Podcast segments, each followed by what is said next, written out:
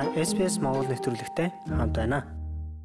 За сайн байцгаана уу? SBS Mongolia сонсогчдоо. Бид 7 хоног бүр Австралид амьдардаг монголчуудтай холбогдож бидэнд хэрэгтэй мэдээллийг мэрэгжлийн хүнээс авахыг хичээдэг. Энэ удаад бид наар илэгний В вирусын халдвар, вакцин илрүүлэх, эмчлэх тухай ярилцахаар зочноо. Сидней хотоос урьсан юм аа. Манай өнөөдрийн зочин Болор Туя Sydney Local Health District-ийн төслийн мэрэгжилтнээр ажилладаг. За Австралид ирээд 5 жил болж байгаа яг одоо мэрэгчлэрээ Сидней их сургуульд эрүүл мэндийн технологийн инновацаар суралцж байгаа юм мэрэгжлийн хүнтэй ярилцахад болсон юм аа. Бидний урилгыг хүлээж авсан болор туяад баярлалаа. Өдрийн мэнд. Монголд бол илэгний гепатит Б бол нас уралтын үндсэн шалтгаан болоод байгаа. Илэгний хор тавдрын гол шалтгаан шүү дээ, тийм ээ. Хэдийгээр бид нар ийм мэд мэдээллийг ингээд байнга авдаг ерөөхдөө танил мэд сонсогдож байгаа боловч энэ яг ямар вирусын яаж халддгийг би өөрийгөө яаж хамгаалах тухай юм бас харцангуй мэдээл багтаа юм болов ялангуяа гадаадд амьдарч байгаа бид нар хичээл сургууль ажил гэр бүл гэсээр өөрийнхөө эрүүл мэндийг жаахан хойшоо тавих гэдэг. Тэгвэл өнөөдөр та энэ тухайн мэдээллийг яг мэрэгжлийн хүнээс нь сонсоод аваарай. Бас бид нар яаж өөрсдөө хамгаалах тухай аль бие усны их сурвалжаас нь сонсоод аваарай гэж хэлмээр байна. За тэгээд эхний асуултаа тавья. Ер нь энэ вирус гепатит Б гэж ер нь ямар төрлийн вирус гэдэг юм бэ? Яаж халдварлаад байдаг юм бэ? Илгэнд өрөвсөл үүсгэж байгаа илгэний вирусуудын ялгааг богинохон тайлбарлаж өгье. Илгэнд дэдөө 5 төрлийн вирус халдвар авч өрөвсөл үүсгэдэг. А, Б, С, Д, Е гээд Д, Е вирусууд болохоор маш ховор тохиолддог. Жишээ нь Д вирус зөвхөн Б вирустэй унд халдварладаг жишээ нь А, Б, С гурван төрлийн вирусын ялгааг маш сайн ойлгох хэрэгтэй. Гепатит А гэдэг нь болохоор бохирын шар буюу бохирлогдсон хоол хүнс усаар халдварладаг өөрөө дархлаа системийн нэг цэвэрлээд гаргацдаг дахиж халдвар авдаггүй ийм вирусын халдвар байгаа. А Б вирус гэдэг нь болохоор тэгэхээр архагшиж болдог. Архагшаад яванда илэгний хатуурл цирроз цирроз нь яванда хавдрын урд өвчин болж ингэж хүндрэх эрсдэлтэй Харин гепатит С гэдэг нь болохоор цус цусан бүтээгдэхүүнээр л зөвхөн халдвар авдаг. Бүрэн эмчлэгдэх боломжтой. Шинэ эмчилгээ нэвтрээд сүүлийн хэдхэн 10 жил явж байгаа ч гэсэн бүрэн устгах боломжтой. А гэхдээ вакцин байдгүй үгээр ялгаатай юм гурван төрлийн вирус байгаа. Тэгээ өнөөдөр болохоор онцгойлон урьдчилан сэргийлэх боломжтой бусдаас арай өвөрмөц гепатит Б-ийн талаар ингэж дэлгэрэнгүй ярьж байгаа маш их баяртай. Ер нь дэлхийн улс орнуудын тархалтыг харахад Австралид байгаа тархалтын ихэнх нь өндөр тархалттай орнуудаас ирсэн иргэдийн дунд байдаг. Тэгэхээр энд бол яг монголчууд бид нар орж таарж байгаа бах тий. Монгол бол өндөр тархалттай орн гэдээ одоо тэмдэглэгдсэн байна. Австрал болохоор яг Аз номхон талайн орнууд тэр тусмаа Австрал, Индонез, Монгол ч юм уу яг энэ Аз твийн орнууд тэр чигтээ ер нь маш их тархалт өндөртэй байдаг. Австралд өмнө нь бол харцангуй тархалт бага байсан. Гэхдээ одоо нэг бусад орон төрж өссөн гепатит Б-ийн халдвар авсан байсан хүүхдүүд энчээ ирж нутагшиж байшаад одоо тэр хүмүүс маань том болсон. Тэгэхээр тархалт нь бол бас маш өндөр байгаа. Энэ юу нь ямар замаар халдварлалт юм бэ? Гепатит Б-гийн халдвартай ихээс хүүхдэд төрөх үед нь халдварладаг. Аа мөн бас хамгаалтгүй бэлгийн харьцаанд орсон тохиолдолд аа нөгөөх нь гэх юм бол цус цусан бүтээгдэхүүнээр буюу одоо персон хийлгэх уламжлалт зүү тариул ингэж нөгөө зүү тавилдаг ш хятад. Тийм айлсгүй шивээс хийх зэргээр насан турш байна халтур авч болно. А мөн бас нөгөө сайн ариутгах даагүй шүдний эмнэлэгт үзүүлснээр халдвар авч болдог. А гэхдээ тэр нь бол Австрали улсад Монголд маш сайн ариутгал явагддаг. Бүх зүйл нэг удаагийн стресс тариагаар хэрэгэлдэг гэсэн мэтлээ тэрэн дээр бол нэг санаа зовох асуудал байхгүй би яг энэ статистикийг хуваалцахыг маш хүсэж байна. Илэгний Б вирусээр халдвар авлаа гэхэд хоёр янзын логт байгаа. Нэгдүгürt нэг юм бол цочмог гепатит Б-гийн халдвар аваад өөрөөр хэлбэл Үний бид 6 сараас доош хугацаанд гепатит Б-нд байгаад тэрийг эмчлээд биеэс гепатит Б вирусыг зайлуулад өөрт нь дархлаа систем тогтцсон. Дахиж гепатит Б-гийн халдвар авахгүй болсон байгаа тохиолдлыг цочмог гэж хэлдэг. Хэрвээ гепатит Б-гийн халдвар хүний бид 6 сараас дээш хугацаанд байгаад халдварлаад өрсөл үүсгэж явж ивэл энийг архаг гепатит Б гэж хэлдэг. Хэрвээ 0-оос 1 насны хүүхэд гепатит Б-гийн халдвар авсан тохиолдолд 100 хүүхэд тутмын 90 буюу нийт халдварын 90% нь архагших магадaltaй. А 1-ээс 5 насны хүүхдийн 60% нь өөрөөр хэлбэл 100 хүүхдийн 60 хүүхэд нь гепатит Б-гийн архаг халдвартай болж насан туршдаа үлднэ гэсэн.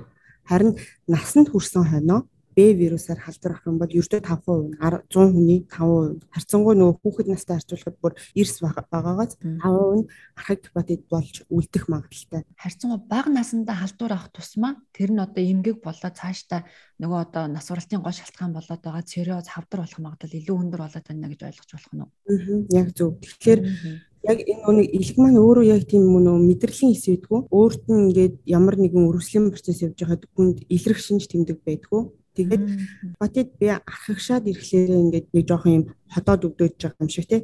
Өөр шинж тэмдгүүд илрээд энэ болохоор хоол боловсруулах замын өөр шинж тэмдэгтэй андуураад тэгээд насан туршдаа яваад бүр одоо хүндэрсэн ч юм уу айлсгүй хизээ хойно бүр одоо 20 30 жилийн дараа ч юм уу те 20 30 нас хүрснийхаа дараа мэддэг байгаа хүмүүс. Тэгвэл ямар нэгэн байдлаар өөрийгөө ер нь шинжилүүлж ээж л мэдх юм шүү дээ те шинж тэмдэг илэрдэг учраас Тэгвэл бид нар хаана очиж ямар шинжилгээ өгөх ёстой вэ? Австралид байгаа бидний хувьд те. Энэ бол маш амархан.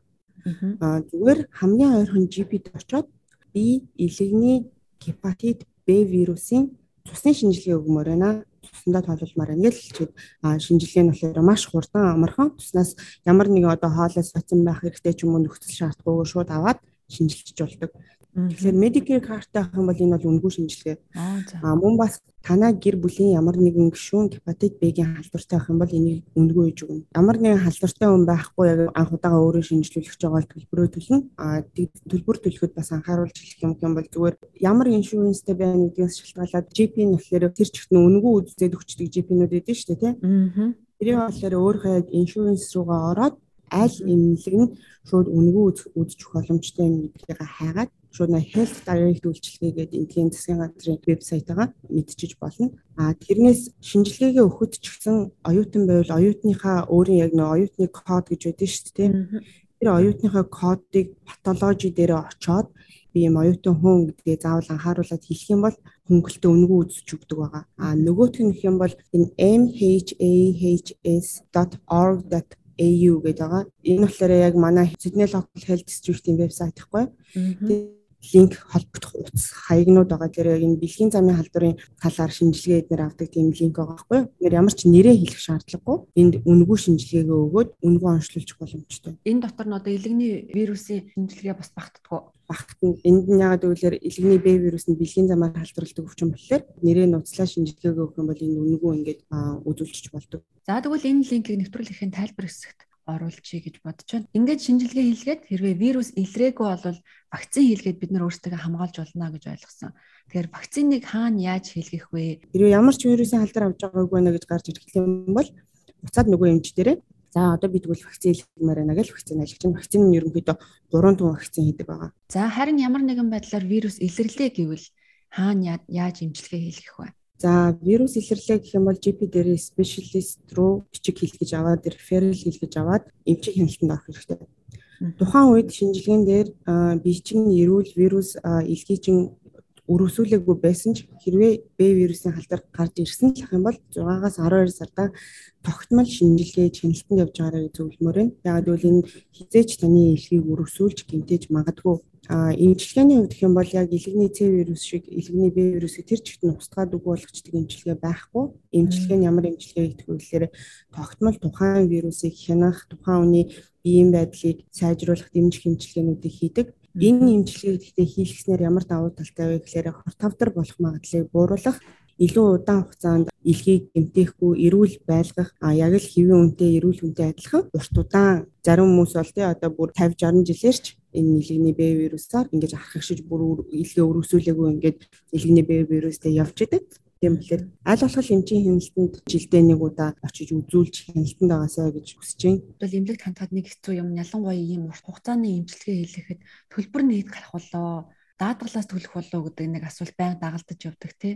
Энэ тухайд нэг тайлбар өгвөл ийм хяналтанд байгаад ер нь ихэнх энэ өвчтнүүд эрүүл илэгтэй хяналтанд ингэ явж идэг. А хэрвээ яг бүр илэгний Б вирус идэвхжэлтэй хамбал тогтнолуудыг юм за нэг ойролцоогоор нэг 200 орчим доллараар авдаг юм байлээ. Нь жишээлбэл 200 доллар гэдэг гэж чинь. Тэгээ энийг даатгалаас авах боломжтой юу? Өөр ямар төлбөр юу гардаг болоо? Даатгалаас ер нь бол авах боломжгүй байдаг. Бидний даатгалаас бол энэ архив хүчинд бол их хвчлэн даатгал үйлчилдэг байгаа тунгалаг гэдэг юмч байгаа натанд ажилладаг. Тунгалаг юмч маань Canterbury-д хамгийн орхон байдаг Priceline-д очоод за ингээ манай монголчууд ингээд ирээд эрүүл мэндийн юм даатгалтай оюутан хүн ирэх юм бол энэ ингээд имийг үнэн төлбөрийг нь багасгаж өгтлээс нь ингээд арга хэмжээ аваад өгөөч гэж хүсэл тавьсны үндсэн дээрээс энэ 200 сая долларын имийг жишээ нь тэнцэнээс 100 сая доллараар авах боломжтой болсон байгаа. Тэр ганцхан формис юм уу эсвэл бүх салбараар юм уу? Аа тэр нь болохоор зөвхөн Canterbury-гийн Priceline гэсэн За баярлалаа болор туяа нэвтрүүлгийнхаа төгсгөлд өөрийнхөө тухай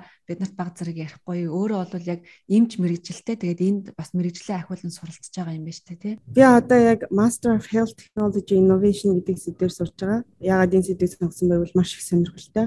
Яг эрүүл мэндийн practitioner инженерийг IT инженертэй хослуулад хамтдаа шинэ инновац технологиг хайж байгаа. Ягаад гэвэл эрүүл мэндийн салбар маань өөрөө тэр чигтээ ингээ шинээрээ маш их мэдээлэлтэй дата. Энэ чэнэс бид нэр хэрэг ямар нэгэн асуудлыг шийдэх арга замыг олж юм бол маш их хүчлэн сэргийлэх одоо тий маш их асуудлыг ишүүг solve хийх боломжтой. Тэгээд зөвхөн IT-ийн кодо бичих гэхлээр эрүүл мэндийн асуудлыг олж харж чаддгүй. Тийм болохоор эмч нартайгаа ингээ хамтдаа сурах гэсэн юм шинэ юнит гарч ирээд одоо сүүлийн хэдхэн жил одоо шинээр брэнд new болсон юм юнит байгаа. Тэгээ би өөрөө болохоор энж мэрэгжилтэй тэр тусмаа дүр сонжлооны энж. Тэгээ дүр сонжлооны тэр чигтээ одоо юу гэдэг хариу маань тэр чигтээ датан дээр суурилж байдаг. Энэ олон датаг яаж knowledge болгож мэдлэг болгох вэ гэдэг дээр IT-гийнхэнтэйгээ ингээд хиймэл оюун ухааныг хөгжүүлээд ингээд сурж байгаа маш их баяртай байгаа. Би ч гэсэн маш их баяртай. Манай Монгол нэг юм шиг ингээд нарийн мэрэгчлэр мэрэгсэж байгаад маш их баяртай. Тэг цаг зав гаргаж ярилцсан баярлалаа. За баярлалаа. За баяртай. Баяртай. Австрали улсад амьдарч эхлэх гэж байна уу? Хэрэгтэй мэдээллийг SBS.com.cg юу? Урагшаа зураас Mongolian хуудасаас хүлээн авах нь